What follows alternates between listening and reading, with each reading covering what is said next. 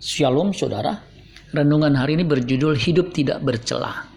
Mazmur 119 ayat 1. Berbahagialah orang-orang yang hidupnya tidak bercelah, yang hidup menurut Taurat Tuhan. Kata tidak bercela dari satu kata Ibrani tamiyim yang juga berarti komplit, lengkap, entirely in accord with truth and fact. Semuanya sesuai dengan kebenaran dan fakta having integrity, memiliki integritas. Without blemish, tanpa cacat. Komplit, lengkap. Full, penuh. Perfect, sempurna. Sincerity, tulus hati. Without spot, tanpa noda. Undefiled, tanpa celah.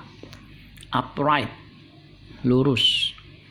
Tidak bercela atau tamiyim disejajarkan dengan hidup menurut Taurat Tuhan orang yang hidup pada perjan pada zaman perjanjian lama PL dikatakan sempurna jika mereka hidup seturut hukum Taurat atau 10 perintah Tuhan.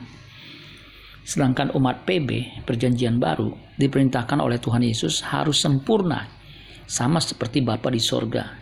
Matius 5 ayat 48. Hal ini bukan saja sukar tapi mustahil.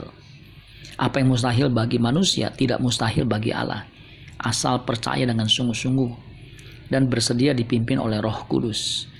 Roh Kudus akan memimpin orang percaya kepada seluruh kebenaran. Amin buat firman Tuhan. Tuhan Yesus memberkati. Sola Gracia.